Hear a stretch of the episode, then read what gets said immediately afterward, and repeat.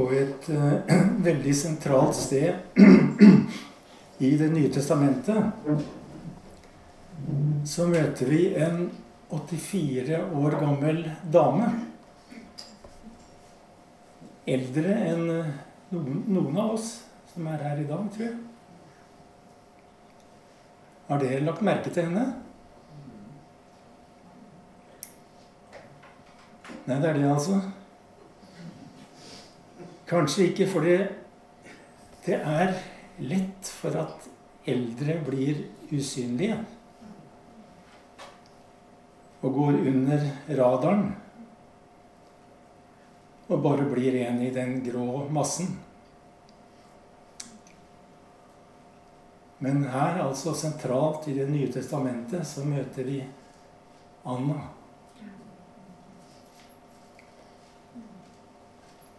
Og vi møter henne da Jesus blir båret inn som spedbarn i tempelet for å bli innvia. Og jeg leser fra Lukas, det andre kapittel.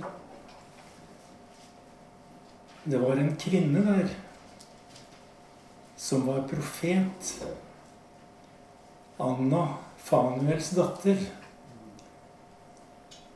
I parentes Anna betyr nåde. Hun var av Asjes stamme, og hun var langt oppe i årene. Som ung hadde hun vært gift i sju år, og hadde siden levd som enke til hun nå var 84 år. Hun forlot aldri tempelet, men tjente Gud i faste og bønn natt og dag. I samme stund kom hun også fram og lovpriste Gud. Og hun fortalte om barnet til alle som ventet på frihet for Jerusalem. Jeg tenker at eh, Anna er en representant for de som Hva skal jeg si De som ikke er det første du legger merke til. Og som kanskje ikke har så veldig høye tanker om seg sjøl. Og det fins faktisk mange av dem i Bibelen. Og det er kanskje ikke tilfeldig.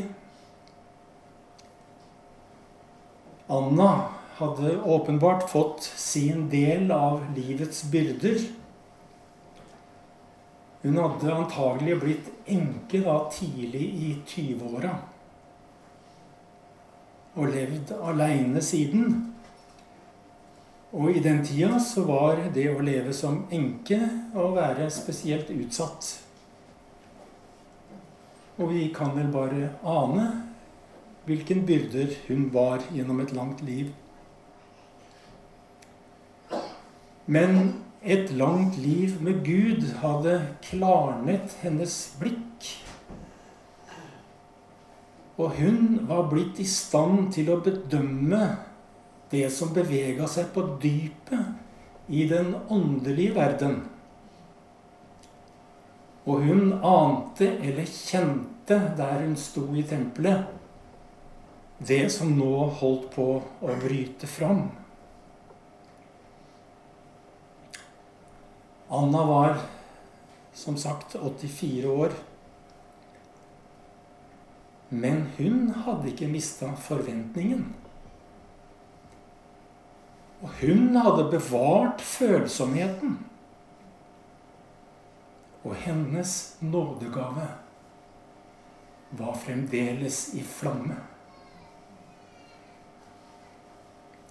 Og jeg tror at det som Bibelen her framhever, har en adresse til oss alle, både unge og eldre. Paulus han skriver om at vi bærer en skatt i leirkar. Og med det mener han at vi har en rikdom eller et lys som er skjult i det grå og hverdagslige. Og hvis du ser på det ytre, så kan du fort gå glipp av dette lyset. Det lyset som Johannes kaller for det sanne lys som lyser for hvert menneske. Han var i verden, og verden har blitt til ved ham. Og verden kjente ham ikke. Gud har valgt å gjemme denne skatten, dette lyset, i helt alminnelige og uglamorøse liv. Og det skinner vanligvis, i hvert fall ikke på utsida. Av og til, kanskje. Men vanligvis ikke. Og forfatteren Ellen Merete Wilkens Finstad hun skriver om Anna. Anna var 84 år gammel. Kanskje kan det bli sånn for oss også at en av de viktigste dagene er en dag som venter på alderens høst. Annas profetiske gave, det var ikke noe hun hadde fått som premie for å leve et liv vendt mot Gud i tilbedelse. Men jeg tror at hennes orientering, for å si det sånn, når hun ble i tempelet, var medvirkende til at gaven var i bruk, og at den var tent i brann. Apostelen Paulus skriver til sin disippel Timoteus.: Derfor vil jeg minne deg om La Guds nådegave i deg flamme opp på nytt. Den du fikk da jeg la hendene på deg. For Gud ga oss ikke en ånd som gjør motløs.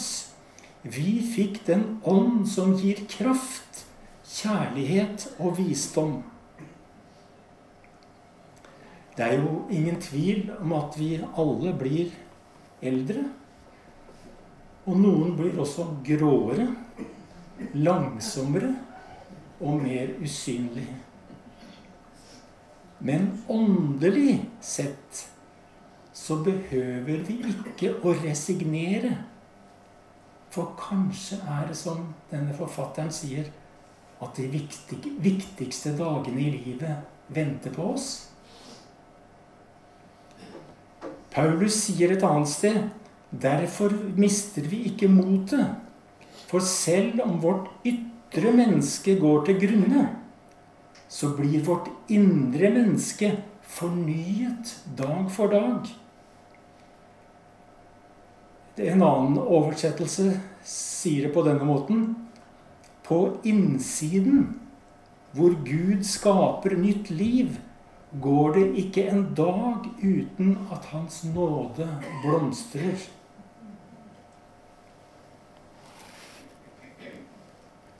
Dere har sikkert hørt at eh, profeten Jesaja han taler et sted i det 25. kapittelet i Jesajas bok.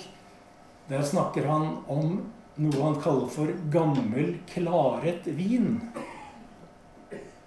Og det er en vin hvor det meste av bermen, altså grumset, har sunket ned på bunnen. Og derfor blir den gamle vinen klarere enn den nye vinen. Jo da, gammel vin har fremdeles bunnfall som ennå ikke har sunket. La oss innrømme det.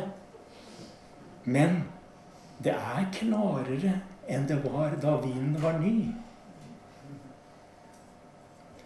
Apostelen Johannes skriver til menigheten. Apostelen Johannes skriver forresten sitt siste brev av eh, åpenbaringsboka da han var rundt 100 år. Han skriver i Johannes evangelium, eller i 1. Johannes brev, Dere fedre og mødre. Jeg har skrevet til dere fordi dere kjenner Ham som er fra begynnelsen av. Dere unge, jeg har skrevet til dere fordi dere er sterke. Guds ord blir værende i dere, og dere har seiret over den onde. Jeg har tatt meg den friheten at jeg vil rokere litt på det her ordet. Og si til dere som også er eldre, dere som er veteraner, til dere som har lang fartstid, og som har vært rundt blokka før Dere er også sterke. Men vi har denne skatt i leirkar for at den rike kraft skal være av Gud og ikke av oss selv. Men Bibelen sier, apostelen Paulus sier altså, 'Min nåde er nok for deg', for kraften fullendes i svakhet. For når jeg er svak, da er jeg sterk. Og du er sterk. Du er sterk fordi du har tilbrakt mye tid i tempelet. Du har hatt lengre tid til å erkjenne din svakhet. Og du har hatt lengre tid til å bli kjent med dine begrensninger. Derfor er du sterkere enn du tror. For Guds kraft trenger inn gjennom svakhet. Her i verden så kan vi oppleve svakhet som en hindring eller som et handikap. Men i Guds rike er svakheten en landingsplass for Guds nåde. Det er ikke en styrke som du kan flekse som store muskler, men det er en skjult styrke. Det er Guds styrke i det alminnelige. I det beskjedne, i det upretensiøse, i det ydmyke og uglamorøse.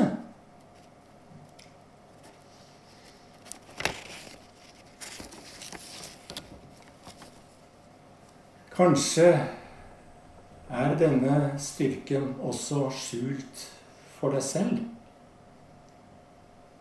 Men den kan komme til syne for den som tilbringer tid i tempelet. Åndens kraft er først og fremst en kraft til å overvinne alt som hindrer at Jesus kommer til syne gjennom deg. Du har sikkert hørt uttrykket 'grå eminens'. De fleste har sikkert hørt det. Det er et uttrykk som betegner en person som har stor innflytelse i det skjulte.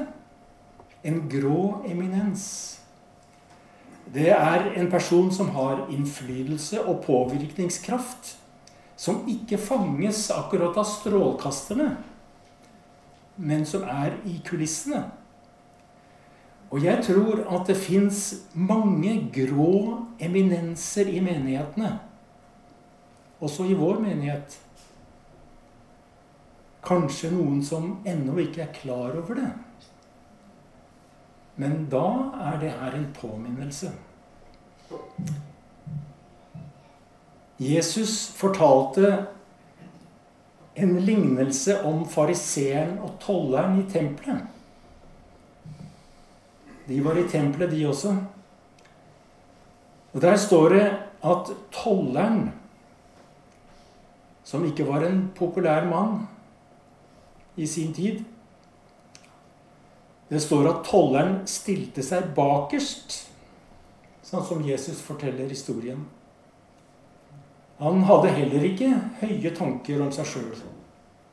Og det står at tolleren slo blikket ned og alt han ba Gud om, det var Se på meg, Gud, i nåde. Det var alt han hadde å be om. Og her handler det ikke om falsk ydmykhet, men her handler det om Guds frykt. Og Gud så på tolleren med nåde. I Guds rike er det nemlig sånn at det er den som slår blikket ned, som ser lengst.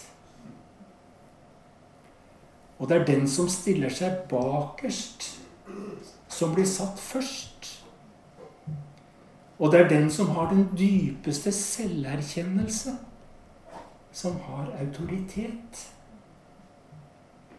Jeg skriver til dere, sier Johannes, fordi dere er sterke.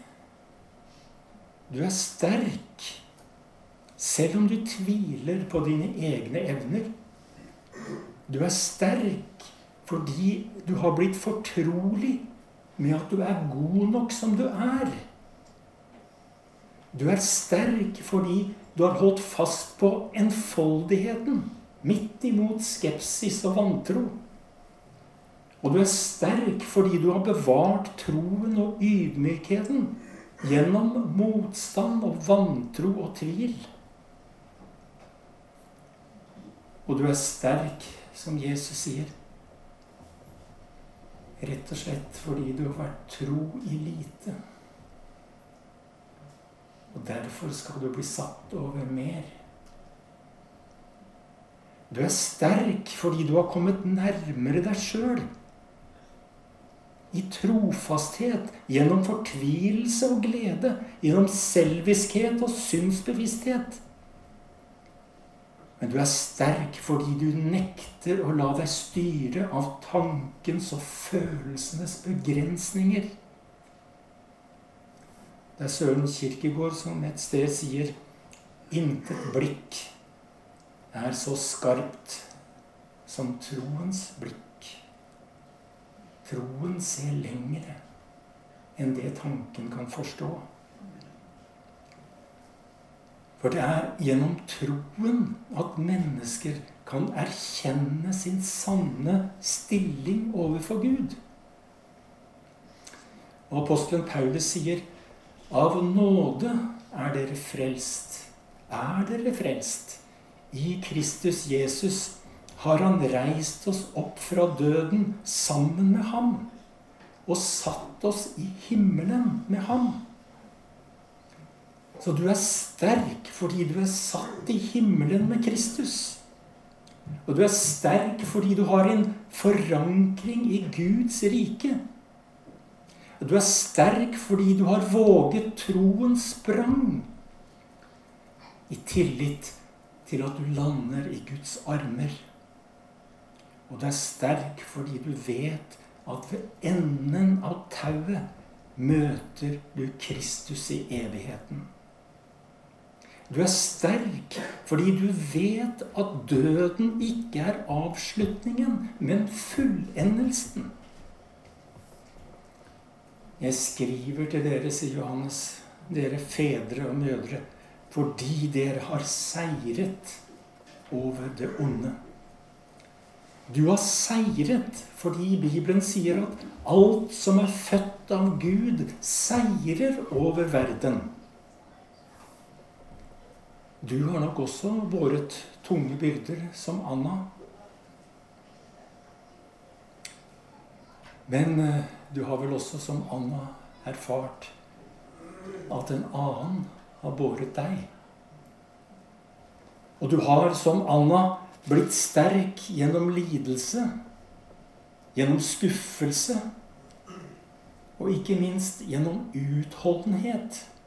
For Bibelen sier at utholdenheten gir et prøvet sinn, og det prøvede sinn håp. En annen oversettelse beskriver håp som å et håp betyr å være våken for hva Gud vil gjøre neste gang. Derfor kjente Anna igjen Messias når han kom inn i rommet. Og nå er det på vår vakt Jesus vil gi seg til kjenne. Det er på vår vakt Jesus vil komme inn i rommet. Og derfor må vi, som Anna, bli i tempelet og våke, sånn at vi kan ta imot det når han kommer.